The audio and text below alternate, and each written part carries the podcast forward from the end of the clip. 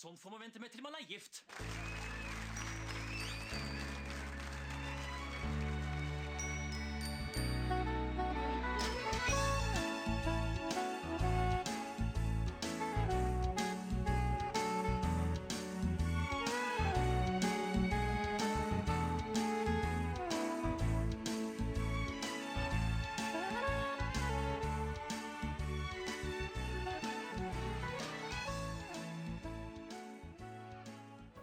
Hallo, velkommen til en ny episode av Norsk film filmpodkast. Podkasten når vi ser norsk film med et kritisk, men kjærlig blikk. Mitt navn er Emil. Jeg sitter her som alltid med. Stefan heter jeg, og i dag så har vi en gjest. Eh, og grunnen til at han er invitert, er jo fordi at han er en eh, politiker. Han er eh, lokalpolitiker, til og med, i et parti til venstre for SV. Jeg snakker selvfølgelig om eh, Ola. Jo, takk. Takk for det. Og grunnen til at Ola er her nå i dag, er jo fordi vi har sett en eh, politisk film, nemlig 'Kronprinsen' fra 1979. Manus og regi av Pål Bang-Hansen. Det finnes bare to motiver. Én ren maktsyke. Og to at jeg skal ha vridd hele ungdomsorganisasjonen til høyre. Og det sier du, som var motstander av Nato, og plutselig skiftet mening? Det var jeg nødt til for å bli formann. Og det vet du godt. Du måtte ikke bli formann. Tro meg eller ikke. Men jeg måtte faktisk det. Da er du jo et maktmenneske likevel, da. Ja, så er jeg vel det, da. Men har de sett på tisseprøven din, eller? Hm? Blir det barn, eller? Jeg glemte å si fra om det i går. Det blir barn. Har du glemt det?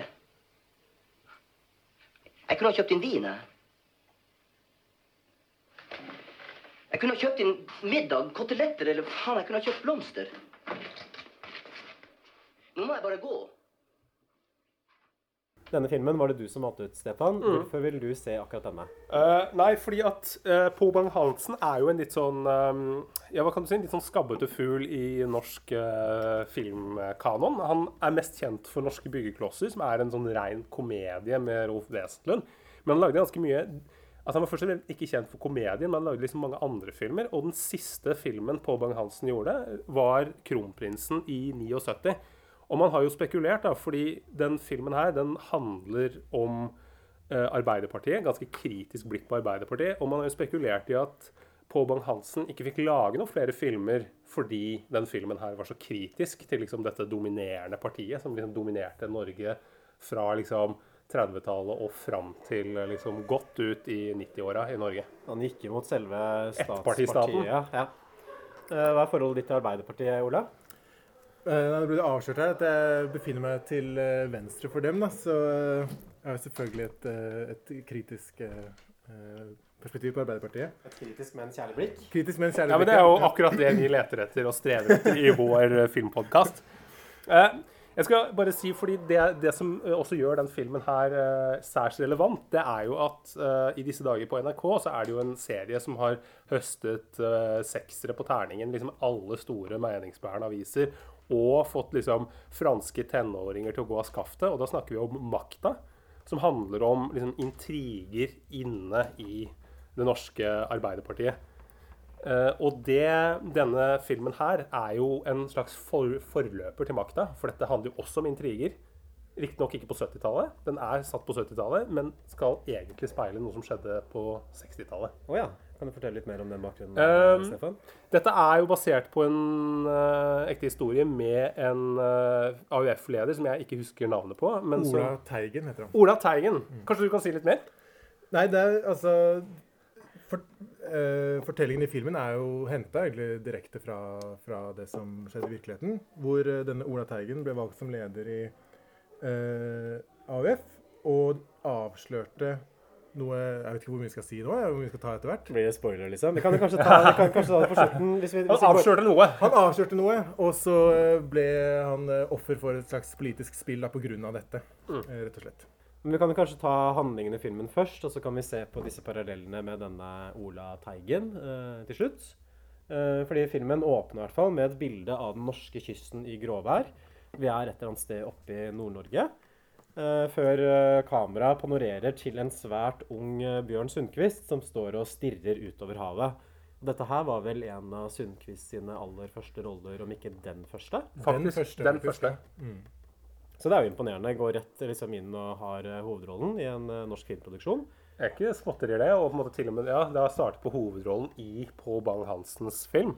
Ja, det er jo litt sånn uncanny, egentlig, fordi jeg har kun sett Bjørn Sundquist i filmer fra 90-tallet og utover, egentlig, så jeg er vant til å se han som en ganske sånn gråsprengt, eh, korpulent eh, hissigpropp fra Nord-Norge. Her eh, har han en ganske annen type framtoning. At han er veldig ung, ganske vakker, egentlig, på en litt sånn rufsete måte. Og mm, har liksom en ganske annen sånn energi enn den vanlige Bjørn Sundquist som har blitt kjent med seinere. Litt sånn samiske trekk på en eller annen måte. Men det er fordi han er finnmarking, kanskje. Ja, og mm, så Men- klippes det til første 1. mai-tog, som eh, faktisk er spilt inn på Hamar. Ja, din eh, hjemby, Emil. Hvordan var det å se byen din Ja, i det var 1979? selvfølgelig veldig stas å se hvordan det så ut der da. Dette er et torg som jeg kjenner veldig godt, Stortorget i Hamar.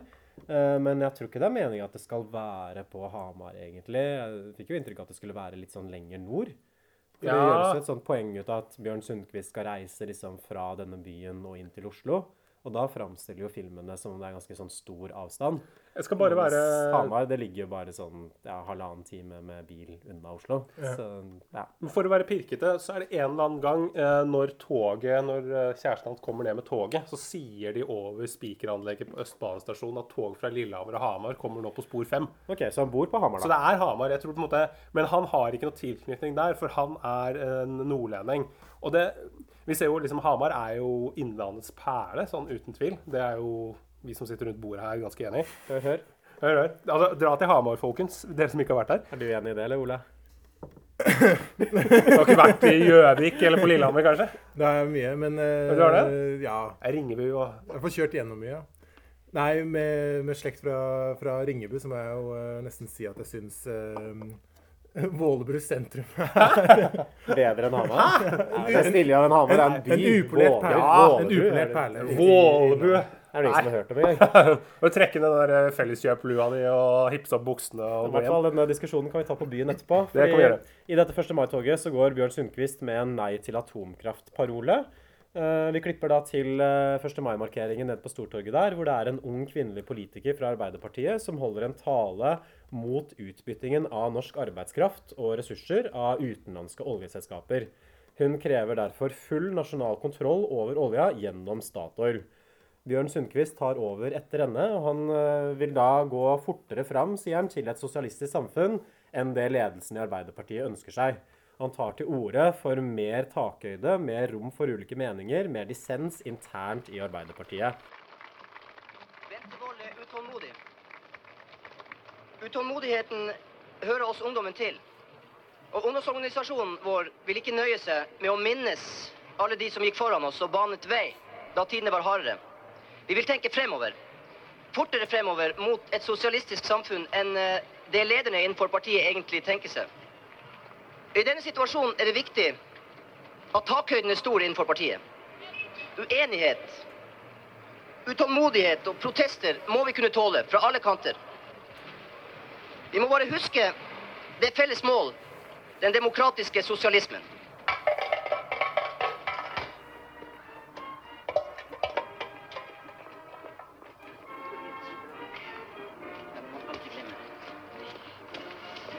Den er ganske sterk, den appellen til Bente. vel? Ja, Hvis hun mener at uh, alle utenlandske selskaper skal ut av Nordsjøen, så uh, mener hun jo det. Og jeg er helt enig med henne, men jeg skjønner bare ikke hvordan vi skal få det til. Var det bra, den talen du holdt. Takk skal du ha. Men eh, 1. mai, det blir liksom eh, Det blir så knyttneve og kamerater. Det, det blir så enkelt, altså. Så blir litt hult. Her er vi. Ja. Blir det med opp en tur? Eh, en mor og far din. Gjør da ingenting. De sitter inne i stua. Dessuten så kan vi jo låse døra. Nei, du vet åssen det blir. Jeg er ikke snerpete. Du, det er en ting jeg glemte å si til deg.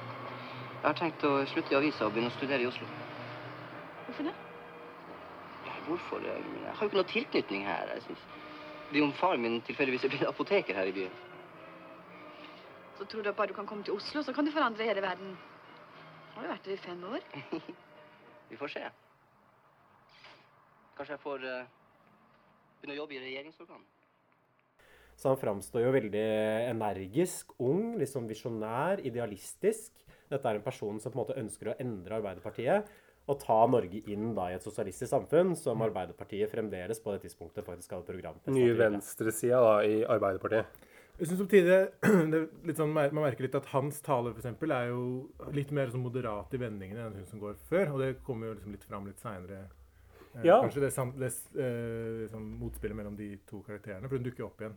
Ja, fordi han, eh, han går jo da hjem gjennom Hamars gater oppe på Sagatun der eh, og snakker med kjæresten sin, eh, som jeg ikke kommer på hva heter. Men i alle fall, da, eh, da, men, da sier han jo det at jeg syns det med å, liksom, å forby at alle multinasjonale oljeselskaper skal kunne få lete i Norge, det, det blir på en måte, det blir for drøyt. og det er ikke hvordan, mulig. hvordan skal man få til det, Ja. liksom? Det det er science fiction. Så det, blir, det er jo det. Han er åpenbart han er mer, mer moderat. Han sier at han ikke trives helt på 1. mai, for han syns liksom de talene blir liksom så Det blir for enkelt og hult. Er det han sier. Det at folk bare står og liksom veiver med knyttneven og snakker om kamerater og spiller Internasjonalen, som faktisk også går i bakgrunnen av den scenen på Natterstid. Um, Sundquist avslører også at han har lyst til å flytte til Oslo og kanskje begynne å jobbe i politikken der nede. Eh, Det gjør han egentlig ganske kjapt. Han kommer jo ned først for å studere, egentlig. Og han sitter i kantina på Blindern, hvor han møter en gammel eh, bekjent av seg, spilt av Bjørn Floberg. Erik er eh, navnet på karakteren. Og Også Bjørn Floberg også er politisk aktiv i Arbeiderpartiet og i fagbevegelsen, viser det seg. Ja, og vi går rett videre til et, til et folkemøte med liksom flammende taler, sikkert på Chateau Neuf, på liksom studenthuset i Oslo, for de som ikke vet det. Og her, um, her er det da liksom er det en opponent, en, en typisk sånn eh, rødskjorte, som liksom går imot Bjørn Sundquist og Bjørn Floberg. Skjønner dere ikke det? At når LO rekker ut handa til NAF, hvem er det da det går utover? Arbeiderklassen. De rike blir bare rikere, mens reallønna vår synker stadig vekk. Nei da, samfunnet er blitt så velregulert nå at det er mulig å se hvor langt skinnfellen rekker. Du må være klar at vi har verdensrekord i produksjonsomkostninger. Og da er det mye smartere å legge seg på en samarbeidslinje enn å satse på en lang og jævla dyr streik, ikke sant? Jeg skal si deg én ting, jeg. At Arbeiderpartiet det har blitt ei eneste stor borgerlig blåbærsuppe. Og den eneste adekvate kampmuligheten, det er væpna revolusjon. La oss prøve på en annen måte, da. Vi to, både du og jeg, er sosialister. Vi står på samme side, tro det eller ikke. Men forskjellen er bare den at du er litt mer utålmodig enn meg. Det er en 14-15 grads forskjell av mer utålmodig, men eh, vi tror på det samme. Vi vil begge et sosialistisk samfunn i den andre enden. Men du sitter på et gjerde og rasler noe aldeles forferdelig med sablene. Og kruttet ditt er vått. Fordi bare 0,5% av befolkninga stemmer med ditt parti. Folk har det ganske godt i sofakrokene sine, de. De har ikke noe særlig lyst til å gå ut på gata og skyte og kanskje sjøl bli drept. Du og dere med ditt syn, dere har ikke greid å stikke fingeren i jorda. Dere vet egentlig ikke hvor dere hører hjemme. Vi derimot går inn i et parti som har over 40 av stemmetallet for å forandre Norge til et sosialistisk samfunn innenfra, der de virkelige mulighetene eksisterer. Jeg venter ikke at du skal forstå det her, for du er blind. Men kanskje noen av dere andre. Det er lett nok å skrike, men det er vanskeligere og viktigere å gjøre noe. Så dette er på en måte Bjørn Sundquist sitt politiske prosjekt i filmen. Og så får vi se litt sånn utover hvor godt det politiske prosjektet egentlig fungerer for ham. Ja, Hva syns du om det her, Ola? Du som er sånn, til venstre for SV. Er du enig med han rødskjorten, eller er du med på Bjørn Sundquist-parti? Eh, eh, jeg vet ikke helt. Et sted imellom, kanskje. Jeg, ja, nei, vi trenger kanskje ikke å ta en Det er, det, er, det, jo, men det er jo en vanlig diskusjon. Jeg også er jo med i samme parti som Ola, kan jo løpe såpass. Eh, Det er jo en vanlig diskusjon hele tiden på venstresiden i Norge. Kanskje mer sånn radikale venstresiden. Altså hvor langt til venstre er det egentlig man skal gå? Hva er det som er realistisk å gjøre sånn på kort sikt? Og burde man på en måte sitte på prinsippene sin høye, øh, høye hest og mene at liksom ingenting er godt nok uten, bortsett fra liksom fullstendig revolusjon her og nå? Eller burde man jobbe mer sånn reformorientert? Og det er jo litt den spagaten her som Bjørn Sundquist ender opp med å stå i, og etter hvert også totalt spjæres av, da. Ja, og eh, han kompisen, han derre Bjørn, som vi møtte, Bjørn Floberg Floberg, ja. ja. det er ikke, Han heter noe annet. Erik heter han. Eh, han er jo liksom mer eh, Han er mer taktisk smart. Han sier jo på en måte at folk, eh, folk vil ikke ha eh, Folk vil ikke ha liksom væpna revolusjon, og de vil liksom slappe av og sitte i sofakroken og kose seg med liksom eh, med potetgull og, og slappe av. Men, men at, og at han, han mener jo at man, man må ikke liksom være så tydelig, man må ikke liksom flagge dette, liksom, disse liksom radikale ideene. Man må heller jobbe liksom innifra. Litt Så mer han, sånn undercover. så han er mer en sånn, ja, en sånn undercover-type. Strateg. Strateg. Uh, Det er et slags liksom, frampek kanskje på hans karakter. da. Ja, Ja. og Det blir også en sånn politisk kontrovers internt i Arbeiderpartiet, uh, hvor det er en avtroppende formann i AUF som har gått hardt ut mot en uh, organisas organisasjon som det også har vært litt sånn diskusjon om nå i 2023, i det året vi nå sitter og spiller inn podkasten i. Kan ikke du fortelle litt om den eh, konflikten der, eh, Ola? Konflikten i Ja, eh, dette er altså han Reidar et eller annet, heter han Ja. avtroppende lederen, eh, som mener at han flagger et anti-Nato-standpunkt veldig hardt. Eh, og eh, Ja, hva vil jeg skulle snakke om der? Nei, altså, det virker på en måte som at han, er, han liksom skal gå av nå som formann i Arbeiderpartiet, eller i AUF, da, ikke sant? Og da benytter han anledningen for Ja. å komme med et sånn spark til Arbeiderpartiet, og spesielt over Nato-standpunktet. Det som skjer der, er jo på en måte at uh, Bjørn Sundquist uh, blir kalt inn på teppet uh, fordi han er pekt ut som neste formann. hvor liksom Sverre Anker Austdal spiller som partisekretær og skal svinge partipisken. prøve å liksom forme han litt før han blir partileder. Og da sier uh, Sundquist noe litt sånn interessant til seg. Han sier sånn Jeg er jo ikke valgt ennå. Men det er liksom helt irrelevant for Sverre Anker Austad, for det kommer selvfølgelig til å skje uansett. Her er er allerede Parti- bestemt, ja. Ja. Man har har liksom- snakket sammen. Noen har snakket sammen her, da. Ja. Partiet har på en måte pekt ut uh, Bjørn Sundquist som den nye lederen, og som en slags sånn, det er derfor filmen heter det den gjør også, kronprinsen, og kanskje også en potensiell partileder og statsminister i Norge etter hvert.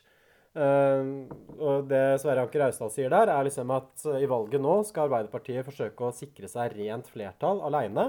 Og for å få til det, så er det viktig å holde det han kaller for hustukt.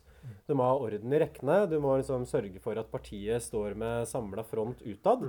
At du ikke har masse sånn dissens og opposisjon og uenighet internt i rekkene. For det kommer da til å styrke den borgerlige siden, og så glipper liksom den muligheten som Arbeiderpartiet har for å sikre seg dette flertallet. Og man forlanger da på en måte lojalitet, og at Bjørn Sundquist skal stå bak partiprogrammet slik det har blitt vedtatt, selv om det betyr at Bjørn Sundquist må gå på akkord med det han egentlig mener.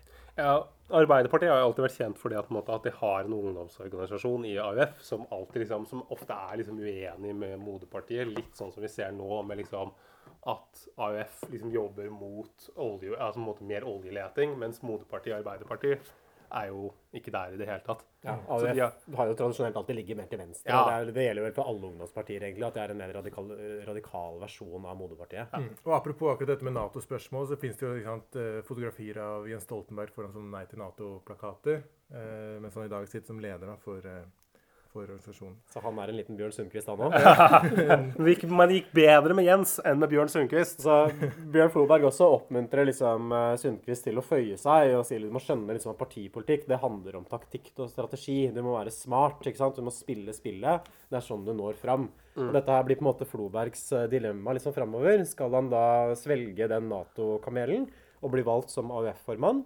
Eller skal han stå på prinsippene og da potensielt forlate politikken? Ja, for du tenker Bjørn Sundquist, ikke sant? Bjørn Sundquist, Bjørn ja. Sundquist. ja. Mm. Ja, fordi, ja, for det er det. Og det mm, Han sitter jo her liksom Han vurderer jo om han bare skal trekke seg som leder, fordi at han på en måte Han, han, øh, han, gidder, han liksom vil ikke gå på liksom øh, akkord med sine prinsipper og det han mener, og på en måte la seg liksom øh, liksom påvirkes av den partipisken. Men han ender jo til slutt med da å bli valgt som ny AUF-leder.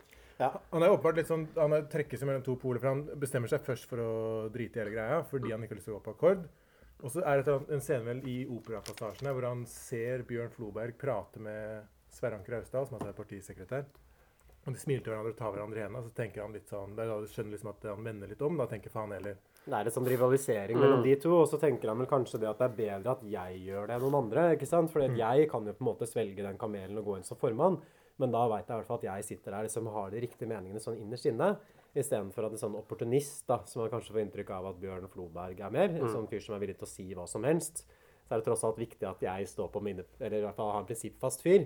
Selv om det betyr at han må liksom gi fra seg prinsippene for å komme i den posisjonen. Og det blir jo den store ironien her. Ja, fordi det, Og det har jo, du har jo vært liksom, du har jo klaget på det før, Emil. at måte, Et problem med norsk film er jo at uh, karakterene ofte ikke utvikler seg i løpet av filmen. De er litt sånn som i Seinfeld. At de på bare er uh, Kramer er liksom akkurat i, som i første sesong som han er i, i niende sesong. Han utvikles ikke som person. Men her så skjer det jo et veldig sånn, egentlig veldig brått sånn taktskifte liksom, i måten Bjørn Sundquist er. Han er liksom, i, Før han blir valgt, så er han en idealist som på en måte som ikke går av veien for å flagge sine meninger. og på en måte, og liksom, han, han går imot partiledelsen, men når han, når han, først blir valgt, så blir han liksom mye mer sånn moderat og avdempa. Ja. Han er opptatt av på en måte å få makt. da. Det er særlig den der seierstalen som han holder rett etter valget, uh, hvor han liksom argumenterer for at AUF må knytte sterkere bånd til moderpartiet. Mm. Vi må slutte å opponere bare for å opponere. Og Her blir det sånn uklart uh, for meg egentlig resten av filmen også hva som er strategien til Bjørn mm. Sundquist på sikt. Snakker han bare ledelsen etter munnen for at han kunne, liksom, kunne konfrontere dem og ta dem enda hardere liksom, i neste omgang? Eller har han på en måte akseptert at det å være formann innebærer det at da må jeg liksom føye meg til partiets disiplin? Jeg er helt enig at det er et veldig sånn uklart uh, spørsmål som filmen egentlig ikke forklarer sånn tydelig, eller kanskje eventuelt uh, med eller uten vil ikke tar noe tydelig standpunkt til, og som forblir litt åpent også mot slutten. Hva, kan... hva, er det som er hans motivasjon, da? ikke sant? Bjørn Sundquist ja. har han sånn mer motivasjon å bare komme i en sånn maktposisjon, eller har han motivasjon om å liksom forandre samfunnet i den retninga han ønsker? Eller forsøker han liksom å balansere de to hensynene? Det jeg tror de prøver å formidle, i hvert fall, er liksom at han har noen idealer. Tenker at okay, jeg må ofre noe for å kunne få den makta til å dra eh, partiet og bevegelsen og samfunnet i en bestemt retning, men liksom spises opp på veien av en sånn ja. eh, selv, liksom, selvgående logikk. da. Fordi det er, det, er det, det er, det, jeg får inntrykk av, at han måtte blir en liksom, slave av det systemet, av det politikersystemet. At han trives med makt, og så, måtte, så inngår han det ene kompromisset etter det andre, men tenker at ja, men jeg, jeg, skal jo på en måte jeg, Tross alt jeg er jo bra, bedre at jeg sitter her enn at noen andre gjør det. Litt sånn som du ser med sånne uh, litt sånne Frp-partier som på en måte har gått inn liksom som har gått til valg på at, vi, liksom, at stortingsfolka og stortingsmenn tjener for mye. Men når de på en måte kommer inn og blir valgt inn, og det skal stemmes om lønninger, så er det de som på en måte stemmer for lønnsforhøyelse og tar med seg liksom eh, Og grabber til seg og tar med seg liksom penga ut og sender store reiseregninger og sånn til, eh, til Stortinget når de, når de går ut døra. Men jeg syns jo egentlig liksom at det er en styrke i filmen at man aldri blir helt klok på hva som Bjørn Sundquist eller ja. hva Bjørn Sundquists motivasjon er. For det gjør han mye mer interessant som en karakter. Fordi dette er jo mye av det liksom folk rundt han forsøker å lese hele tiden. Hvor står du egentlig? Mm. Og da må vi som seere også forsøke liksom å vurdere han på samme måte. Og det er liksom der jeg syns Bjørn Sundquist er veldig god i denne filmen. Eh, skuespillerprestasjonen hans er veldig sterk.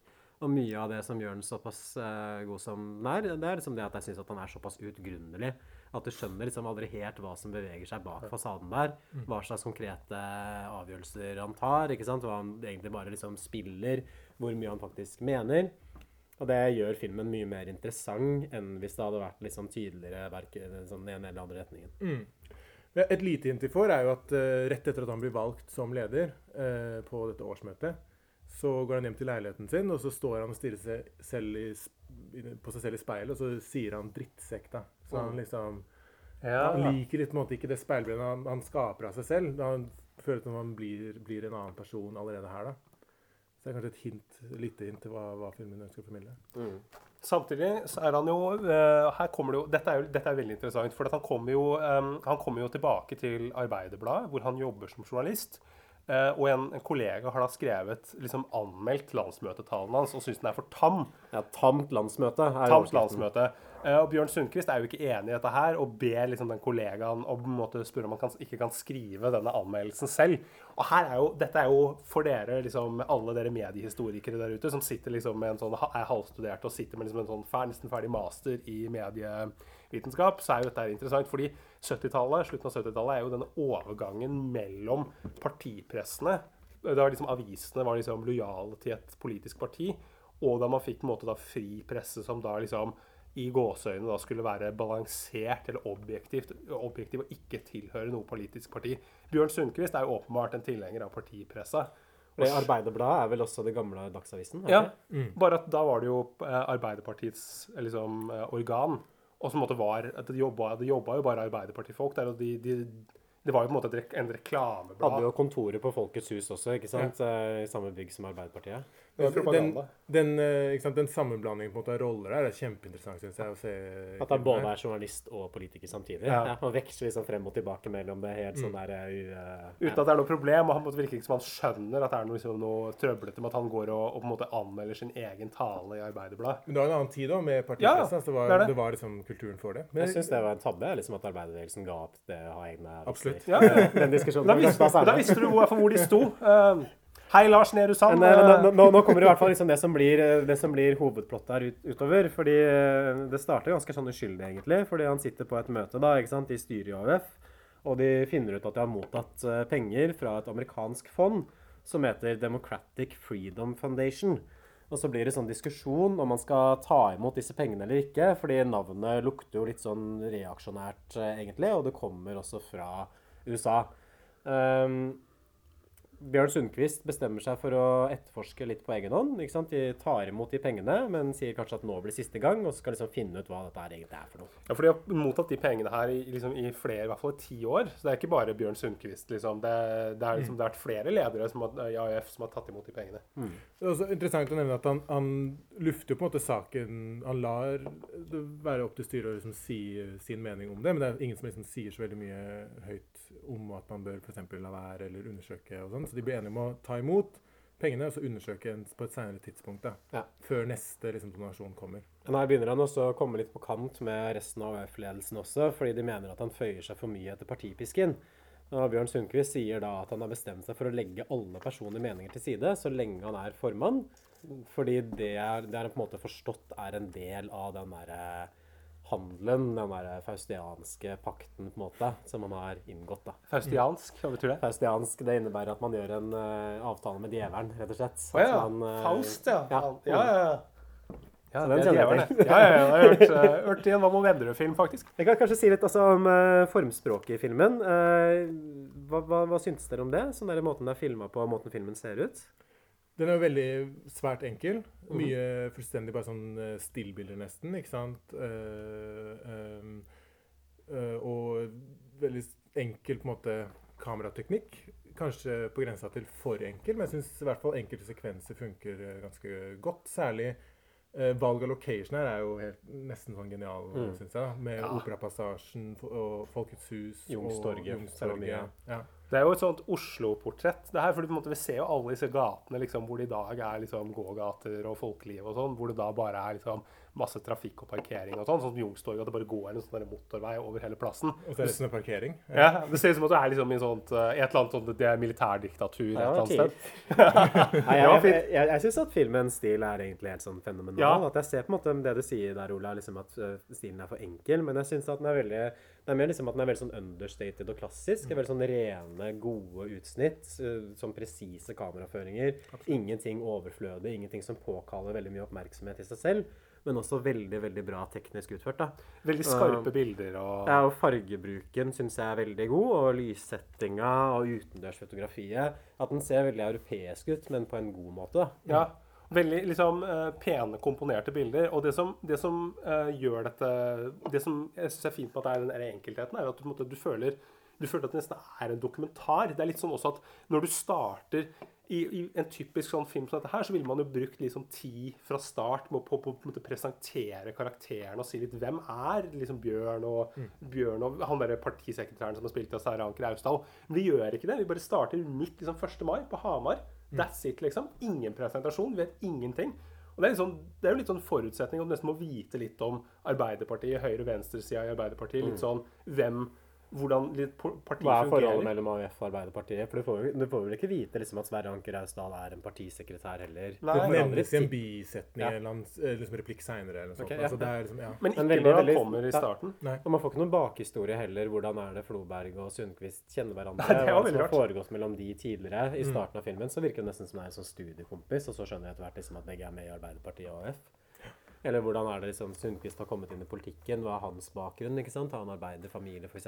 Kommer han fra mer sånn borgerlig bakgrunn? Apoteker, eh, Faren hans er apoteker i Hamar. Ok, så småborger, da. Det- Du kastes liksom bare inn i det, Ja. og så må du liksom uh, følge litt med på samspillet mellom karakterer, karakterene, replikkene du sier, for å liksom lære litt Så du lærer sånn underveis. da. Men igjen, jævlig- litt sånn dokumentar, på en måte. Jævlig godt grep, da, ikke sant? For det gjør også at filmen blir mye mer interessant å følge med på. Og Jeg synes spesielt, jeg synes kanskje den første halvdelen av filmen er litt sterkere enn den andre. Ja. Sånn etableringen, den syns jeg liksom sitter som til en sekser, eh, personlig. Noe av det beste vi har sett i podkasten fram til nå, Stefan.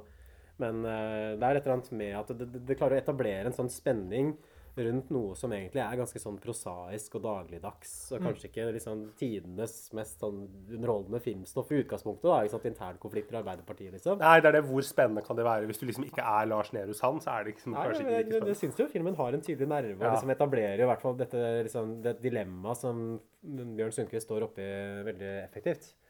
Ja, og det, og det er det. Vanligvis ville jeg på en måte savna en sånn litt tydeligere etablering av karakterene, men her så syns jeg faktisk det er en genistrek. At det bare er bra.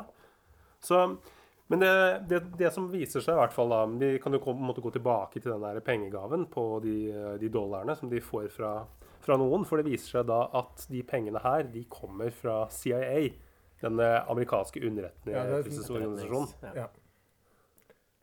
Og dette er jo penger selvfølgelig som skal gå med på å bekjempe kommunismen. Da, ikke sant? Så AUF eh, har mottatt penger fra denne CIA-styrte Democratic Freedom Foundation siden 1966. Som jo er en eh, politisk skandale, eh, selvfølgelig. For det innebærer da at et sosialistisk ungdomsparti i Norge har blitt finansiert av amerikanske etterretningsagenter med et antikommunistisk formål.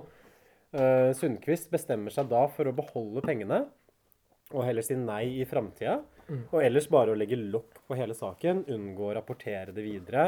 Unngå liksom å ta sånn tydelig protokoll av det møtet hvor informasjonen kommer fram. For at han ikke vil at saken skal komme ut i offentligheten. Eh, Floberg kommenterer da at han syns at eh, Bjørn Sundquist ikke gjør eh, lufta særlig rein rundt seg.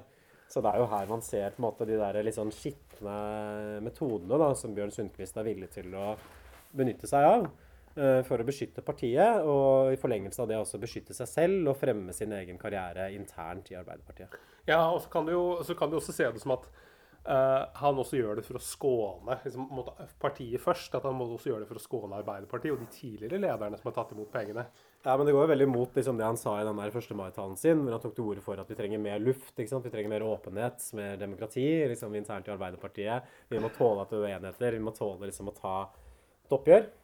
Ja, og det, nei, det, er, det er faktisk et poeng. Han, han, eh, han eh, lever ikke som han taler, eller motsatt, liksom. Han, eh, og det, som, det vi ser nå med Bjørn Sundquist, er jo at han blir liksom en ensom ulv. Han sitter på, liksom, i en kantine og spiser kjøttkaker med ertestuing aleine. Og må det bli litt sånn utenfor. Og, og begynner å liksom bli liksom mer og mer Han er ikke noe han, han, Vi har jo ikke snakket så mye om det, men det er jo det der forholdet han har med hun dama fra, fra Hamar. Det er kona hans som, som jeg kanskje syns er det svakeste elementet i filmen.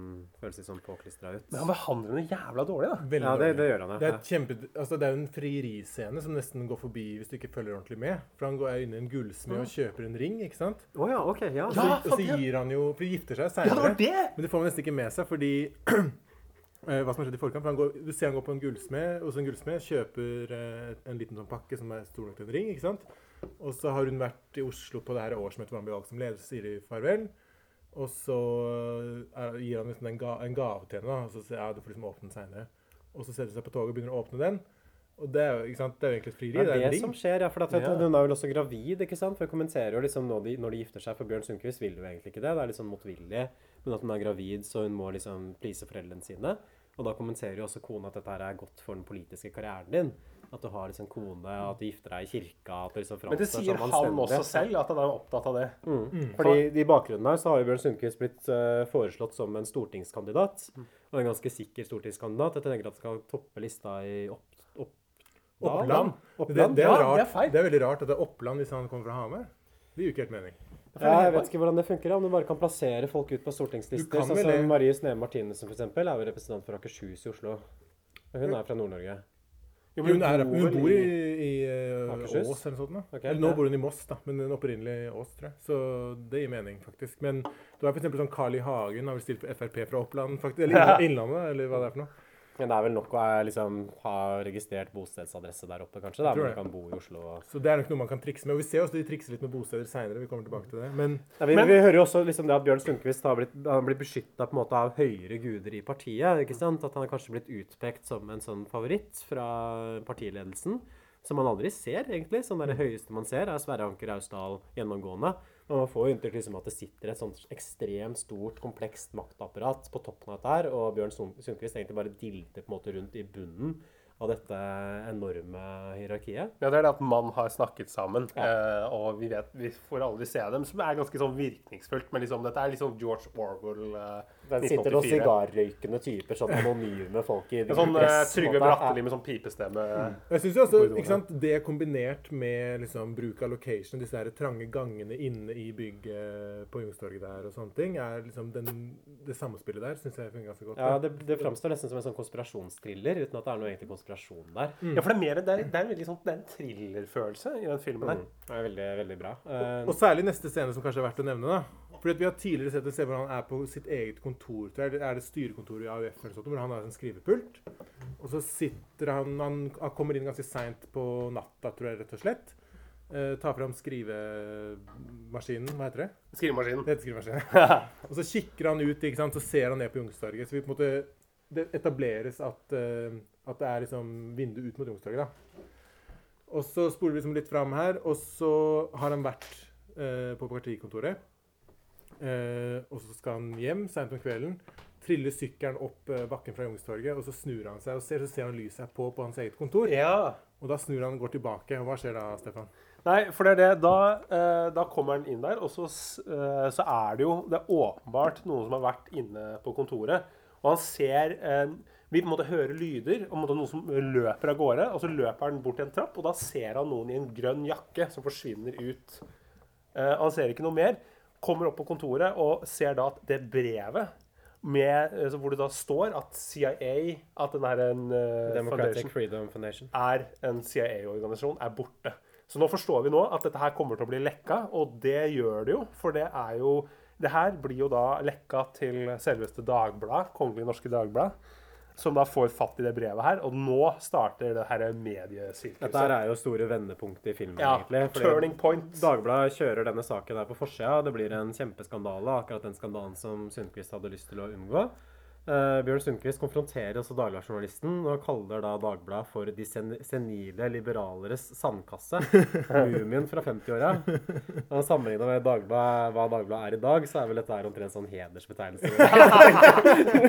Nå liksom er det noen klikkavis med liksom flott og Ja, du slipper, billig unna med å kalle det sånn mumie fra 50-tallet i dag. Nå, nå har det jo nylig vært kutta kulturredaktøren og mener at uh, Dagbladet aldri har vært en kulturavis. Nei, særlig det. Men det er jo, det, og, og det er jo eh, en ting til som er fint med location i den filmen. Jeg har aldri vært, jeg har sett en norsk film hvor vi ser så mye fine sånn utesteder og restauranter og sånn. Hvor det her hvor du har tatt hvordan en Dagbladet-journalisten sitter på Kafé Engebrett før det liksom ble fiksa opp med liksom sånn eh, tunge, liksom sånne tre, mørke trepaneler og, og noen av de der eh, stedene som ser ut som sånne bierstuber. liksom Sånne, eh, sånne hvelvkjellere med sånne rare smijernslykter og sånn. Utrolig mye fine utesteder altså, i Ja, Oslo man, på får inn, 70-tallet. man får inntrykk av at nesten hele filmen er spilt inn på location. altså lokal, Kontorene antar jo kanskje det er sånn studio Uh, sett, men, men likevel at jeg kjøper en måte at det liksom er inne på Folkets hus her, liksom at det er oppe i passasjen. Det er en svakhet her, fordi at um, et av vinduene som vi ser, det har liksom sånn, har sprosser.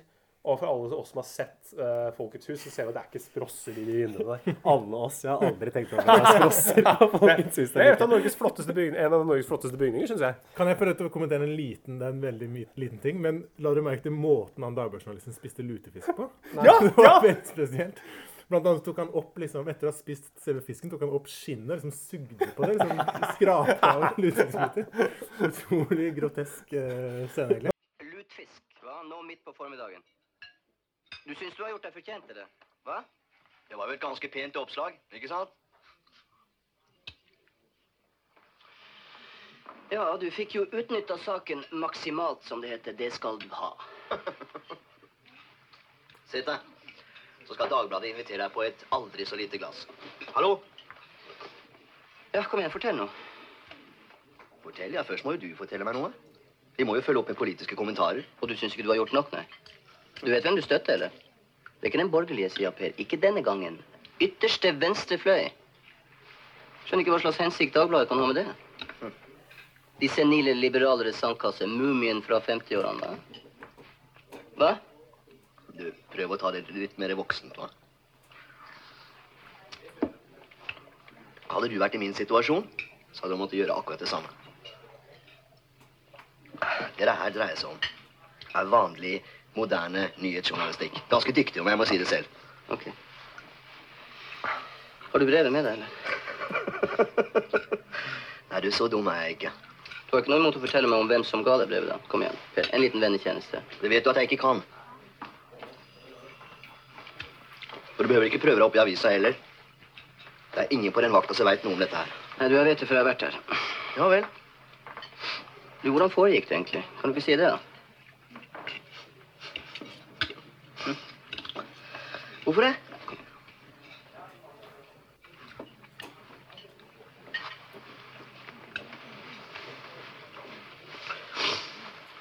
Klokken var litt før to.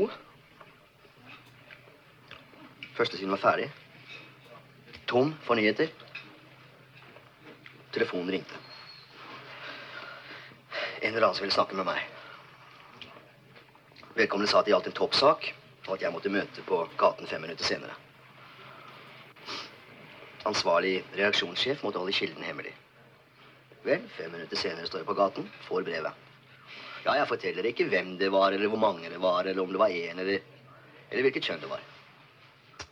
Med det brevet i handa så satte dere altså hele førstesida og trykka i vei, hva? Å, herregud. Du tar det litt med ro. Vi kontaktet jo deg, ikke sant? Men det var helt unødvendig. Alt sammen sto i brevet. Ingenting manglet, Roald. Sundquist er med å stille opp i intervju med Dagsrevyen om saken, og han står der basically og bare ljuger eh, ræva av seg. Og bare unngår spørsmålene så best han kan, i beste liksom, politisk kvarterstil. Så han begynner å bli en skikkelig tåkefyrste, egentlig. Det er en veldig flott sånn uh, replikkveksling her med han journalisten fra da, da, Dagsrevyen. hvor han sier sånn Hadde du trengt å behandle meg så jævlig? Og så svar, ler liksom han fra NRK litt, og så sier han sånn uh, Min oppgave er liksom bare å, å hva han sier, liksom, å, Få fram sannheten. få fram det som har skjedd. Fikk jeg det, spør han. Og så sier ikke Bjørn Sundquist noe, han bare bukker. Og så sier han i kofferen Ja, jeg tenkte meg det, liksom. Og det, eh, det som er det, det er jo det er to fascinerende ting her. For det, på en måte, det er jo det at her det viser jo på en måte hans forhold til medien. At han er vant til den der partipressen. Mens den kritiske journalistikken har ikke Bjørn Sundquist så mye til overs for. Men det er også filmens eneste kjendiskameo. Fordi han som står i intervjuer for Dagsrevyen, det er jo selveste ja, Lars Jakob Krogh. Som var Dagsrevyen til høyre i eh, Dagsrevyen. Og kanskje mest kjent for dette her intervjuet som han gjorde med Anders Giæver i år 2000, hvor da Jokke hadde dødd. Og på en måte, og, og, og på en måte uh, Han der Lars Jakob Krogh syns jo ikke noe om, at, uh, om Jokke. Han skjønte ikke vitsen liksom, måte at man skulle hedre en sånn der narkoman som hadde dødd. Så det er jo, det er jo der han han det er, han var den, en den tidens uh, kjendiskameo, liksom. Nå i dag den så har vi sånn Ari Behn i lange, flate baller, og så har vi Tix i Tina Bettina Jo, men 2. ikke- dette er jo datidens Nyhetsanker på Dagsrevyen. Det var det mest spennende. Da, datidens Atle Bjurstrøm. I hvert fall Floberg ser det intervjuet. Han er ikke noe fornøyd, fordi en av de tingene som Bjørn Sundquist har sagt i dette intervjuet, er at uh, de var de første som hadde tatt imot penger fra denne Freedom Democratic Foundation, for at ønska liksom å skåne de tidligere AUF-styrene bakover historien som også har tatt imot disse skitne pengene. Og da påpeker liksom Floberg at da sitter jo på en måte det nåværende styret igjen som idioter. Det er bare vi som har gjort en gedigen feil. ikke sant? Og at han på en måte ofrer da styret for partiets uh, interesser. Uh, like etter så deltar uh, Sundquist på en debatt i Nord-Norge. Nei, Kristiansund. Ja. Kristiansund? Ja, det står på bussen. Er ikke det, er ikke det Nord-Norge? Jeg trodde det var i Nei, Nordmøre. Det var i Tromsø. inn. Møre og Romsdal. Nei, faen, du har jo ikke vært utenfor Ring 3, eller? Nord, nord for Hamar, i hvert fall. Så the same to me. Uh, hvert fall uh, Hei, alle våre lyttere i Kristiansund. Uh, ikke, Emil han vet ikke bedre, men vi er veldig glad i dere. og Vi kommer på podkastfestival hvis dere har det. Og eh, der treffer han også en sånn gammel bekjent, som er vel en sånn tidligere partikamerat, kanskje, eller en nåværende partikamerat. Og hun eh, anklager da Bjørn Sundquist for å ha blitt en sånn glatt politikertype, som er vanskelig å skille fra høyremannen som han satt i debatten med. Det kommer også fram der liksom at Bjørn Sundquist har sittet ved siden av han fyren fra Høyre på bussen på vei opp til eh, Kristiansund. da. Ja, som hun reagerer veldig sterkt på. Ja, Hvorfor sitter du ved siden av han, liksom? Sånn er ikke han fienden din? Ja. Og dere sitter liksom der og snakker om ja, Bare prater vennskapelig som om uh, alt var greit? Ja, og hun beskylder vel, eh, etter at Bjørn Sundquist har hatt debatt med han der høyrefyren, så beskylder hun vel Bjørn Sundquist også for å være veldig at Jeg, jeg hørte ikke forskjell på deg og han høyrefyren. Dere sier jo akkurat det samme. Dette er jo på en måte en sånn klassisk debatt som vi har i dag, med liksom ungdomspolitikere som bare fester sammen og er bestevenner på, liksom, på tvers av partiene. Det er det at liksom politikerne blir sin egen lille klasse, ikke sant? og de bare omgås mer hverandre enn de velgerne de egentlig skal representere. Det husker jeg, bare Hvis jeg kan ta en liten avstikker her. At jeg leste en sak en gang hvor Sandra Borch Bugge hadde glemt igjen hun Senterpartipolitikeren, hadde glemt igjen telefonen sin på Frp-nachspiel etter en valgvake. Og så hadde den telefonen da blitt brukt for å kødderinge og litt sånn. eh, Som hun da gikk ut med da, og liksom klandra Frp for det. Og da tenkte jeg litt sånn Hvorfor er du på Frp-nachspiel i det hele tatt? Ikke sant? Hva gjør du der? Så jeg har litt den samme impulsen som det Hvis man er i Høyre og man er i Arbeiderpartiet, så burde man kanskje ikke være så gode venner, egentlig. Mener jeg, da. Nei, jeg tenker det er, det er, liksom, det er jo helt fair å liksom kanskje prate litt på bussen og sånn. På en måte si sånn, ja, skal du til debatten, skal du til Kristiansund, da har du vært der før. Men kanskje stoppe der, da. Må- Ja, Det blir jo et problem hvis man kommer på, for tett på hverandre liksom i den der lille makteliten også. Særlig Norge er jo et ganske lite land, ikke Men- sant? så man blir jo påvirka av hverandre. Men er ikke det fascinerende at man liksom alltid i Norge, når politikere snakker, liksom, så snakker de alltid om liksom sånn, at det er så fint i Norge, for på en måte vi er bestevenner når vi sitter på Dagsnytt 18 før en debatt. Så kan vi på en måte snakke om helt vanlige ting og være gode venner, men så er vi uenige og er der ute. Og det er så fint med Norge og Jeg syns ikke det er fint i det hele tatt. For det, er det er det? sånn altså, det politisk ståsted det handler liksom ikke om at jeg liker Beatles og du liker Rolling Stones. ikke sant? Man er jo fundamentalt uenige om hvordan man ønsker å organisere samfunnet og hva slags interesser man ønsker å fremme. Så hvor god venn kan du være på en måte med en sånn person som står på helt motsatt side av deg i alle sånne her viktige verdispørsmål? Jeg tenker særlig i en Ja. sånn, ikke sant, en sånn tid sånn som nå, hvor du har masse du har skandale på skandaler med liksom de største maktpolitikerne i landet. Og du skaper en slags sånn der, liksom, politikerforakt generelt. Da. Så, liksom, på toppen av dette også liksom, ha en sånn der buddy-kultur. eh, og at alle liksom, skal liksom, stå opp for hverandre mot folkeresten. Da. Liksom, bare, bare være liksom, kompiser. Bli, er jo Ja. Ja, men det er jo klart også, det må jo legge lokk også på hva man kan tillate seg å si til hverandre, hvor enkelt det er å fremme Ja. kritikk. da. Hvis du kjenner noen personer liksom, er i samme sosiale omgangsrett, så er det jo vanskeligere å stå liksom, og skulle ta et sånn tydelig ståsted imot.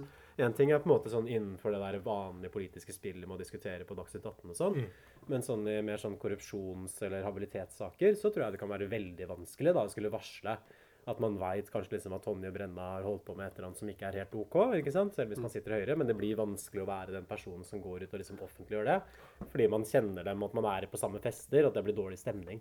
Ja, og på en måte kanskje vet liksom, at man kjenner henne såpass godt privat at man vet at nå har Tonje hatt det litt tøft, så det, måte, det passer ikke så bra å komme med den varslinga nå, og det blir liksom ikke noe hyggelig. og det er på en måte, disse, disse hensynene må man jo kunne legge til side, og kanskje politikerne føler at de gjør det, men det blir jo vanskelig, da. Jeg hadde jo ikke hvis eh, Sånn som, Jeg hadde jo ikke greid å, liksom, å kaste deg under bussen, Emil, liksom, selv om du hadde vært for et annet parti enn meg. Ja, øh, folk er forskjellige, men dette her er jo ikke mimer og Marsdal, så vi får nesten komme oss tilbake til filmen. og mindre politikk. Eh, fordi- Eller Tut og mediekjør, som er en annen podkast som vi hører på. Fordi Bjørn Sundquist eh, får i hvert fall høre da fra hun eh, venninna i Kristiansund. Eh, hun spør hvor er den glade gutten som storma fram i partiet. Ola, kjenner du deg igjen i dette her? på en måte? Du har jo også begynt å klatre sånn oppover i partiet ditt. Er du fremdeles en glad gutt som stormer fram i partiet, eller har du blitt en sånn glatt politikertype som er vanskelig å skille fra Høyre, du òg? Jeg håper for guds skyld jeg ikke at det er lett å skille meg At det er framadstormende og glad? Men hvor, hvor glad gutt det er, det vet jeg ikke.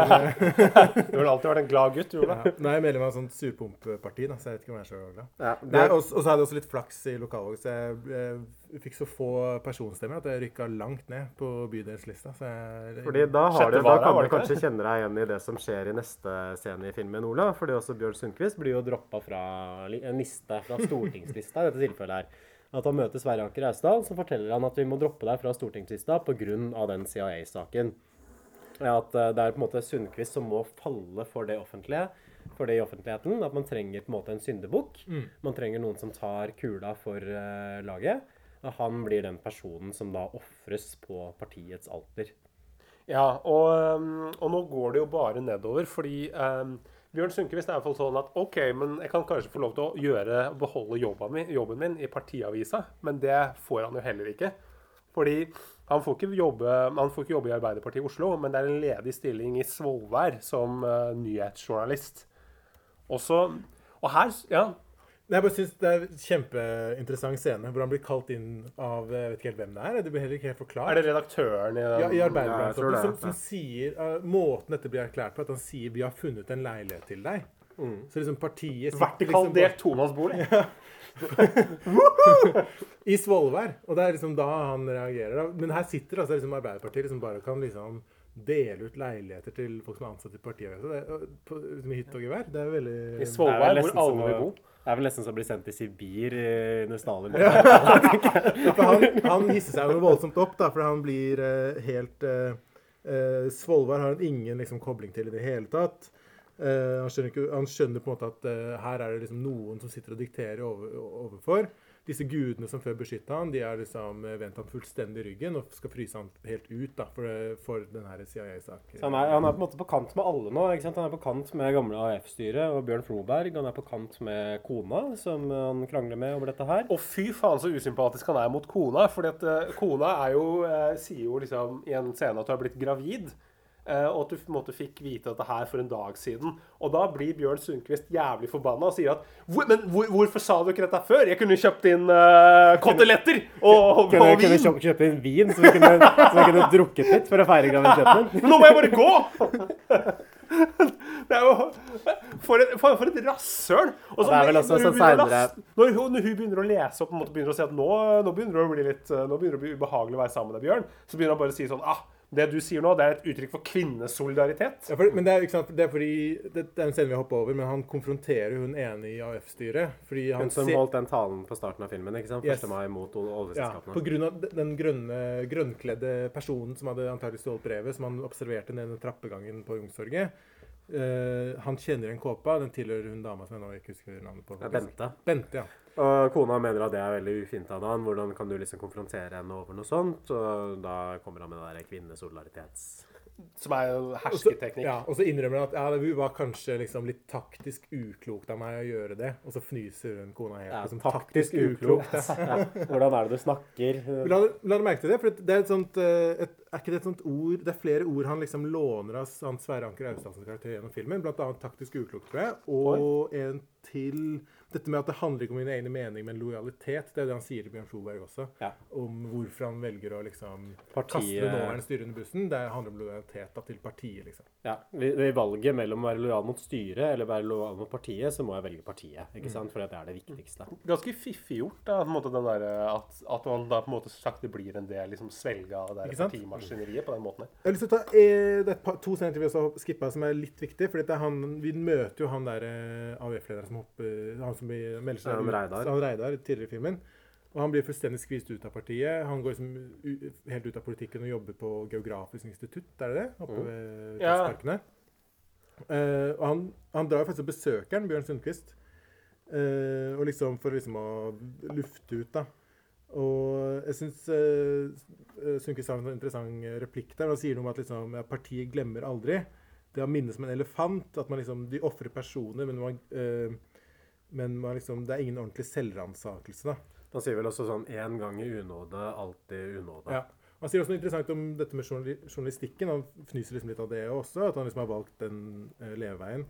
At det er liksom noe av det mest sånn passive som fins. Du står liksom alltid på utsida og, og observerer, men du er liksom ikke en del av det. Men du får liksom følelsen av det, for liksom får lov til liksom å observere det. Ja, Journalisten er de som registrerer virkeligheten, ikke sant? mens eh, han vil være en av de som former virkeligheten. Ikke som bare står liksom passivt og bare rapporterer om hva andre folk gjør. Og hvor han da sier også dette her liksom at, uh, at måte, journalisten de, måte, de føler at de er med, men de er egentlig på utsiden og følger med. Og det, dette her er jo det vi ser liksom i den pågående eh, liksom nå med Erna Solberg, hvor på en måte folk liksom sitter, har liksom sittet i den der høyrebussen som har kjørt rundt i liksom Vestlandet, har vært med på feste med henne og føler seg liksom som en del av den der kule gjengen.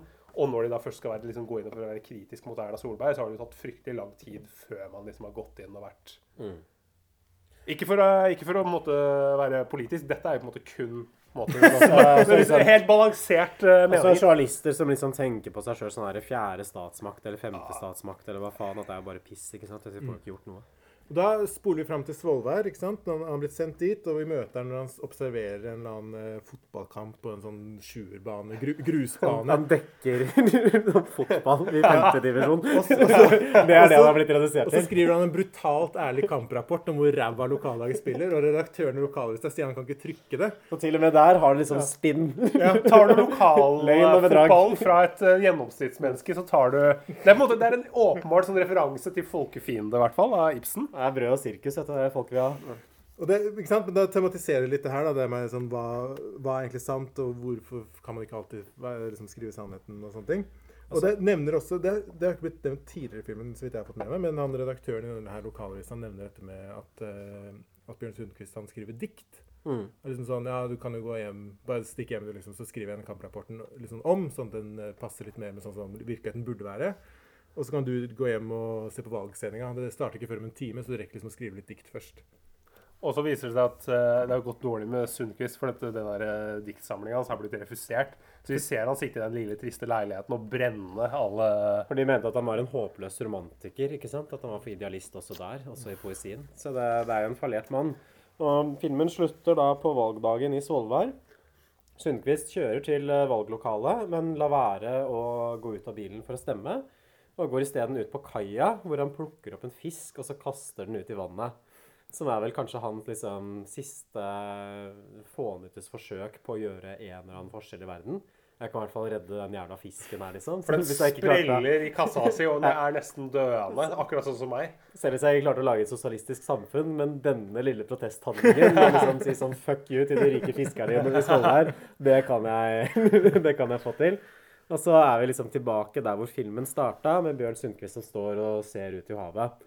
Den aller siste scenen, da går Bjørn Sund- Sundquist hjem, og så skyter han seg foran en tavle med bilder av sine politiske meritter.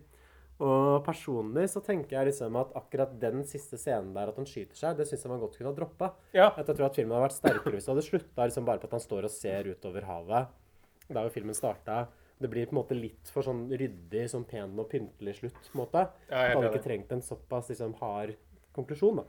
Men, eh, men jeg synes, hva, hva skal jeg si at det er gjort ganske pent med dette her at du filmer den tavla, at du hører lyden at han skyter seg, så kommer kona inn i gangen og roper 'hallo' og 'hvor er du', og 'jeg har et eller annet å fortelle'. Og så får du ikke noe sånn skriking eller noe sånt, det bare slutter. Det synes jeg er ganske sånn, og det er litt sånn, det, det Jeg kjenner jo at når, du, når han er der, i dette liksom rufsete liksom Svolvær, som ser ut som en sånn altså Det, er, det ser jo deprimerende ut der, med sånne små grusveier mellom eh, toetasjes hus og sånn. Så, så du får jo Jeg får jo virkelig en sånn der følelse av sånn avmakt og litt sånn Svolvær på 70-tallet var nok ikke spesielt lystig, tror jeg. Nei, var det et utested der hvor du kunne ta deg en pils? Jeg tviler litt på det, altså. Så det Men det har jo en bitte liten siste sekvens også. Det er Bjørn uh, Floberg Ja. som står i Oslo, og så leser han nekrologen til Bjørn Sundquist, eller liksom nyhetssaken om at han har tatt livet sitt. Og så snur han seg, og så har han veldig sånn utgrunnelig ansiktsuttrykk. Og så fryser liksom filmen på det ansiktsuttrykket. Og det er veldig vanskelig å si hva han tenker eller føler. Jeg føler jo liksom at det man kanskje kan ta ut av liksom hvordan han ser ut der, er sånn ja ja, sånn er politikken. Det er synd. Men jeg går videre. En sånn total kynisme, da, egentlig. Ja, kanskje. Men han er jo også angrende. En scene vi hopper over, er jo at når, Ja. når Bjørn Sundquist skal flytte, eh, så ringer det plutselig på, og så står Bjørn Floberg utafor og sier sånn eh, Hva er det han sier? Han Beklager for Det var ikke meningen at det skulle skje på den måten. Alt gikk så fort. Det kom liksom ut av kontroll. Det er et eller annet sånt. Så det er veldig sånn tvetydig. Jeg tolka det litt som sånn eh, Kanskje litt i andre retninga, faktisk. At man var litt sånn angrende synder. Ja, at han syntes det her ble på en måte Jeg ville ikke liksom at du skulle falle så langt. Jeg ville kanskje på en måte bare få deg Jeg ville bare, kanskje bare bli partileder, og så kunne du bare fortsatt i styret. Det som er interessant her, da, er jo parallellen til virkeligheten. For dette er jo, som du nevnte, basert på han der, saken til Ola Teigen. Og det er et løfte omtrent nøyaktig fra sånn som det skjedde. Et par ting er liksom ikke tatt med, eller endra litt på, så vidt jeg veit. Et av tingene er at jeg tror jeg leste at han eh, Ola Teigen han tok livet sitt ved å hoppe foran et tog. OK, så han tok livet sitt sånn Så når, når jeg så den eh, scenen hvor han tar toget fra Oslo til Hamar for å studere, så tenkte jeg det var en slags frampek til det, men så valgte han liksom å bruke pistolen i stedet. Jeg tenkte det kanskje var liksom var utnytta ikke, det var ikke potensial, tog i. Svolvær etter på 70-tallet. Det er sant. Det det Men nå kommer snart Nord-Norge-banen, så der får du jo tog der oppe der. Kunne reist inn til Bodø, da. For Men eh, Eller Narvik, faktisk. Det er enda kortere. Buss, buss for tog for å hoppe fra toget i Bodø. Ofotbanen, mener du? Ja. Ja, ja, det er enda kortere å reise. Så det er en ting. Og så det andre som ikke kommer med i det hele tatt, er jo faktisk at OK, ikke sant uh, AUF uh, hadde vært finansiert av den her eh, CIA indirekte i mange år. Uh, og han ble den som dessverre måtte liksom ta, ta kula for det, bokstavelig talt. Men eh, disse som avslørte det til Dagbladet, som da selvfølgelig er Bjørn Floberg og hun Bente eh, Det filmen ikke nevner noen ting om, er at eh, som skjedde i virkeligheten, var at de faktisk hadde kontakt med KGB. Så her var AUF en sånn gjenstand okay. for manipulasjon Ja, ja, fra ja, både ja, øst og vest. Og liksom han liksom skvis imellom. Og det som skjer etter at han tok, ble skvist ut og tok livet sitt, var at denne liksom venstresidefraksjonen vant makta. da. Mm. Så da var det happy ending likevel, da. Ja, For sånn som oss var det happy ending, ja. Fordi jeg tenker Temaet i filmen er jo ganske sånn åpenbart. For dette er jo liksom makt korrumperer, politikken er et maktspill, kanskje spesielt i Norsk Arbeiderpartiet. Alt handler egentlig om å tjene på en måte partiapparatet. Og det kontrolleres på toppen, og det har du ingen mulighet til å påvirke liksom, hvis det kommer inn som en sånn ung og idealistisk ildsjel. Og jeg føler jo liksom at filmen er veldig forut for sin tid i portretteringen av Arbeiderpartiet. fordi nå i dag så har jo på en måte alle det inntrykket av at Arbeiderpartiet er et sånn eh, kynisk styringsparti som bare består av sånn gamle partipamper og sånn grå eminenser og så glatte yrkespolitikere i front. Men i 1979 så var jo situasjonen litt sånn annerledes. For da var det jo fremdeles Reiulf Steen som var partileder, ikke sant? Og han er vel den siste Arbeiderpartilederen som faktisk har arbeiderklassebakgrunn, tror jeg. Er vel også en av de få som ikke Torbjørn har vært Jagland er jo, har jo arbeiderklassebakgrunn. Ja, men hadde Men han hadde ikke jobba Jeg mener at Reiulf Steen tror jeg var arbeider, og så ble han Arbeiderpartileder. Ja, OK. At han, ja, at han hadde på en måte en, Han hadde jobba, da. ikke sant? Vært i arbeiderklassen før han ble leder. Jobbet på sprengstoffabrikk mm. på Hurumlandet. Og er vel også en av de eneste i nyere tid også som ikke ble statsminister, tror jeg. Og så var det vel i 1981 som Gro Harlem Brundtland tok over for første gang. Og det er vel da man gjerne mener at den der nyliberale, vel som profesjonaliseringen av Arbeiderpartiet som begynte for fullt. Men var det ikke det som var liksom uh, særtrekket her, med at liksom, Gro Harlem Brundtland var statsminister, men Re- Reiulf Steen fortsatte som partileder ganske lenge? At han at det var det som var Det er liksom eneste gangen i historien at måte, lederen ikke har vært statsminister. Siste gang, i hvert fall. Ja, siste gangen. Ja, men, men, ja, men, men jeg vet at liksom med, med liksom Arbeiderpartiet som forandrer seg ganske sånn kraftig liksom, Ja, hun, hun kom fra Oslo vest, er Ja. lege. Mm. Hadde en arbeiderpartifamilie som innførte arbeidslinja, ikke sant? Mm. Så, ja, og, Og, ja, men uh, så er jo med modifikasjoner her, så er jo det Oddvar Nordli som først liksom er den første sånn nyliberaleren egentlig på slutten av sin periode, men så kommer liksom uh, Grand Brundtland og virkelig bare som skrur til skrua på det. mm. Og før, før Høyre eh, liksom blir ordentlig nyliberalistisk selv. Ja, fordi det er jo liksom interessant det der tidspunktet her også da filmen kom ut, 1979, liksom. Rett før nyliberalismen, rett før Reagan og Thatcher og liksom hele den der utviklingen der utover 80-tallet. Så filmen fanger jo på en ganske sånn interessant måte den overgangen i Arbeiderpartiet, på en måte. Liksom at man står har fremdeles, må- man har fremdeles sosialismen programfesta, at man kjemper for et sosialistisk klasseløst samfunn. Det tok det vel bort i 1982, mener jeg å huske, fra partiprogrammet sitt sånn offisielt. Eh, Hvor man da gir opp enhver sånn pretensjon om å være et sånt revolusjonært samfunnsforandrende parti, og kun blir et sånn der status quo-styringsparti, sånn som vi kjenner dem nå i dag. Det blir et sentrumsparti nesten, egentlig. I hvert fall med Gro Brundtland. Men du ser liksom her Arbeiderpartiet som står liksom med en fot i begge leire, da, ikke sant? men hvor det er den mer sånn der markedsvennlige, nyliberale, profesjonaliserte politikken som vinner fram. Og det syns jeg gjør filmen veldig interessant også som et dokument fra akkurat den overgangen der, sånn 79-80, som er en utrolig viktig historisk periode. Ja. Og det er jo, det, det er jo den, akkurat den perioden den nye serien på NRK speiler. Makta, liksom, med både Rauf og Gro Harlem Brundtland. Men antageligvis fra er ganske mer sånn litt annet perspektiv enn det Ja. som framsettes På Det er litt mer fjollete enn dette her. det er vel sikkert mer sånn typisk at ja, Gro Harlem Brundtland det var så vanskelig å være kvinne i et mannsdominert parti. At liksom, det er ingen som vil liksom ha henne, at hun måtte kjempe med nebb og klør for å få den posisjonen. Som I hvert fall mitt inntrykk, da. Som sikkert er, stemmer. stemmer det, men liksom det tar vekk en del av de andre aspektene som, som betones mer her. Da, ja. Mm. Mm.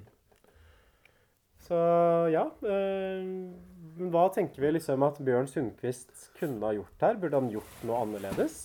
Jeg syns han har gjort det den politiske skjebnen som han fikk? Måtte det gå som det gikk? Han Man kunne liksom argumentert for at for det vendinga hans skjer jo på en måte når han blir valgt inn til formann i AUF. ikke sant? For han kunne jo da kanskje ikke gått bort fra Nato-ståstedet, stått litt mer på prinsippene sine. Det ville jo i så fall ført til at han fikk et sentralstyre som var litt mer foran. Og da ville ikke sentralstyret lekka ut de dokumentene med Democratic Freedom Foundation, som hadde kommet seg unna der. Du tenker at han ikke hadde gått vekk fra prinsippene sine? Ja, Hvis han hadde vært litt mer venstrevridd og liksom vært lett, litt mindre partilojal, da. Men Da- så er jo spørsmålet kunne han kommet til den posisjonen, eller hvordan det hadde gått for ham på en måte som ungdomspartileder i Arbeiderpartiet? Ble bare motvirka lenger opp? Partisekretæren var jo veldig klar på at han ikke likte trynet hans og og var jo på en måte var jo åpenbart innstilt på at han skulle jobbe mot Bjørn Sundquist. Så det er, på en måte, er jo ikke, det er jo ikke sikkert. Ja, men han blir jo valgt, så han kan jo gjøre hva han vil. At Arbeiderpartiet kunne jo ikke gått inn liksom og fjerna liksom en demokratisk men han hadde kanskje bare blitt AUF-leder og Ja. aldri stortingsrepresentant. Men slipper å ta livet sitt og endte opp sånn totalt fallert i Stålvær, da. Det, Men, ikke sant? Men det er spørsmålet, da. Er målet hans er det å bli stortingspolitiker og liksom være en, en, et eller annet tannhjul i, i uh en slags sånn, sånn stalinistisk partiapparat her? Eller er liksom målet hans å gjøre en forskjell, positiv forskjell i verden, endre bevegelsen i en bestemt retning, som liksom AUF har i perioden her, og liksom fraksjonen rundt liksom eh, Bjørn Floberg og hun Bente og sånn har et åpenbart mål om, og som han liksom Han, han har liksom mellomposisjon, det blir liksom i skvis, da. Om hva han egentlig Ja, tragedien hans er jo på en måte at han velger liksom å være partilojal. At det er jo det som fører til at han som person, om ikke som politiker Som politiker så kan han kanskje ikke blitt vellykka uansett. Men det mesteparten av de konkrete problemene han får, særlig som den lakkasjen om eh, Det demokratiske forum og disse CIA-pengene, det følger jo som en direkte konsekvens at han blir for partilojal. ja, Så men, filmen er jo på en måte en sånn kritikk av det, tenker jeg. Sånn først og fremst. ja, for det, hvis, eh, jeg tror jo det ideelle for Bjørn Sundquist hadde jo vært når han hadde fått vite om dette her liksom CIA-greiene. Veldig bra at han tok opp på en måte sjekka ut det. Det ideelle er jo bare at han hadde når han hadde fått det brevet her, bare gått ut med en gang og sagt at vi har, fått, uh, vi har funnet ut at eh, CIA har støtta Arbeiderpartiet siden 1966. Vi har ikke visst om dette her, og på en måte har ikke vært klar over det. Vi trodde jo det var noen andre, bla, bla, bla. Det kunne han jo vunnet noe jævlig på Ja. altså, som enkeltperson. Da. Jeg er den personen som faktisk kom inn her og rydda opp. Ja, ikke sant? jeg rydder opp, ny- kostene- Siden nye kostene er inne. 1966. ikke sant? Nå er jeg på min vakt, så går det ikke sånn. ikke sant? Nå har jeg avslørt dette. Det framstår som det, liksom det beste valget sånn i ettertid, ja. Mm. Mm. Eller sånn når du ser tilbake. Men det er det, da. på en måte Som mediemann i eh, arbeider, Arbeiderblad så tenkte han kanskje at på en måte at eh, media skulle være litt eh, hyggeligere med han. Viste at moralen det er vel kanskje liksom hvis du, hvis du først begynner i det spillet å manipulere virkeligheten for din egen politiske vinning, så blir du fort fanga opp i det selv, på sett og vis. Men samtidig så er det jo et helt sånn her totalt åpent spørsmål hvordan det hadde gått hvis han hadde valgt å gjøre noe annet enn det enn det eh, han endte opp med å gjøre. Og, og filmen framstiller det jo sånn gjennomgående som at han ikke har noe valg. At han har gode grunner for å handle på den måten han gjør. Og det er jo det som gjør historien så tragisk også til slutt. da. At man kan på en måte leve seg inn i tankeprosessene, stegene han tar. At den ene handlingen følger liksom logisk av den forrige. Helt til han liksom ender opp med å skyte seg selv mutters aleine på valgdagen i Svolvær. Og så går det, den der fallet går ganske fort. Jeg syns ikke det er noe sånn at det er veldig at det, er liksom, det er det som er litt sånn fint, at det er ikke så veldig treigt skille heller. Det går veldig raskt, og så plutselig så er han han for å være en stigende stjerne, for å være kronprinsen, så er han liksom hoffnarren i Arbeiderpartiet. Går fra Brad Pitt til Brad Shit. Hvem er det en referanse til? Petter Stordalen som sa det. Stordalen, ja. Ja, på det, der, det fantastiske sitatet her, så skal vi kanskje begynne å gi karakterer. Ja, eller sitter du noe Brenner du inne med noe, eller Ola? Uh, nei, jeg tror ikke det. Nei, faktisk. Nei? Men hva er helhetsinntrykket deres av filmen? Eller hva, skal vi ta en runde rundt bordet? Kan ikke du starte da, Emil? Skal jeg starte? Uh, ja, jeg må si at uh, jeg likte den filmen her veldig godt. Eh, som regel når du foreslår sånn gammel film fra 70-tallet, Stefan, med Sundquist og lignende skuespillere i hovedrollen, så slenger jeg ikke akkurat ræva i taket av eh, vill jubel. Men jeg tror du skal tenke litt på Jeg er ofte, faktisk ofte på en måte overraska deg med de tingene jeg har tatt. du har det, altså. Operasjon. Vanvidd. Så du, du, du, du Det har er egentlig bare Bør Børson du har hata. Ja, men, du- eh, du Er har Operasjon V for vanvidd? Operasjon V for vanvidd. Du har henta en, en fra Bør Børson nå. Jeg syns at eh, den filmen var veldig god. Det er noe av det beste vi har sett. Eh, bedre første halvdel enn andre halvdel, men jeg vil nok gi den en sterk femmer. Ja, eh, jeg slenger meg på det. Jeg syns jeg bare det, det er jo bare fascinerende å på en måte se det her stjernegalleriet her. Vi har, vi har Bjørn Sundquist, Bjørn Floberg og Sverre Anker Austdal liksom, i noen av de tidligste rollene i norsk film. Det er på en måte, dette er liksom de, det er liksom de fire, de tre store da, i norsk, norsk film. Så bare det å se dem liksom live er jo ganske gøy. Ja, men om Hvis vi skal ha sånne fire store i litteraturen, så har man jo Ibsen og Kielland og Lie og Bjørnson, er det ikke det? Jo. Og du mener at det er Austdal, Bjørn Floberg, Bjørn Sundquist. Hvem er den fjerde? Kristoffer Joner? Eller Uh, nei, nei, nei, Nils. Ole Oftebro. nei, men Stig Henrik Hoff. Nei! Men det er en annen generasjon. Ja, det er en det er litt som at. Hamsun ikke er med i De fire store. At man måtte slenge på Jonas Lie isteden. Så kanskje at, kanskje at Sverre Anker Austdal er den gjengen her Eller her Jonas Lie, da. Ikke Nils Ole Oftebro. Nei, han er jo bra. Han er, han er, han er jo Ibsen. Han er jo god. Um, Ja, fall- hei, hvite menn som pusher 80. Ternekast inn, hit, Stefan. Nei, fem. Solid fem. OK. Ola? Uh, ja, jeg må innrømme at jeg, jeg kanskje savna sånn et lite sånn Et knepp til på liksom noen litt sånn eh, Både i manus at de kunne skru til, skru av lite grann. Bygge litt mer på de her litt sånn eh, konspirasjonstrilleraktige elementene. Bitte litt mer. Eh, men jeg er jo enig i at det er vanskelig å gi lavere enn en fem, da. Så det blir vel 15 da, til sammen. Bra. Kan jeg avslutte med en, eh, kan, en siste, Gjør det. siste replikk? La dere merke til Det var en sånn styremøte i, eh, i uh, uh, AUF der, hvor de kom ut på gata etterpå, vet du. Og så og så uh, spør de liksom hva Det er Bjørn Floberg og Bente som spør hva faen skjedde liksom her. Hvorfor har du kutta ut kampanjen mot kje- kjernekraft? Mhm. Og så liksom bortforklarer Bjørn Sundquist det, og så sier han sånn Ja, blir de ute og spise, eller? Og så sier Bjørn Floberg Nei, jeg kan ikke. Hun her har invitert meg med på sånn intimgryte, hvis du skjønner. Nei, for det, det skjønte ikke jeg. Når jeg sier intimgryte, er det liksom sex, Jeg tror ikke pule, ja. Det var liksom ja. Floberg. Ha det bra. Takk for nå. Skal vi si ha det, Stefan? Ha det.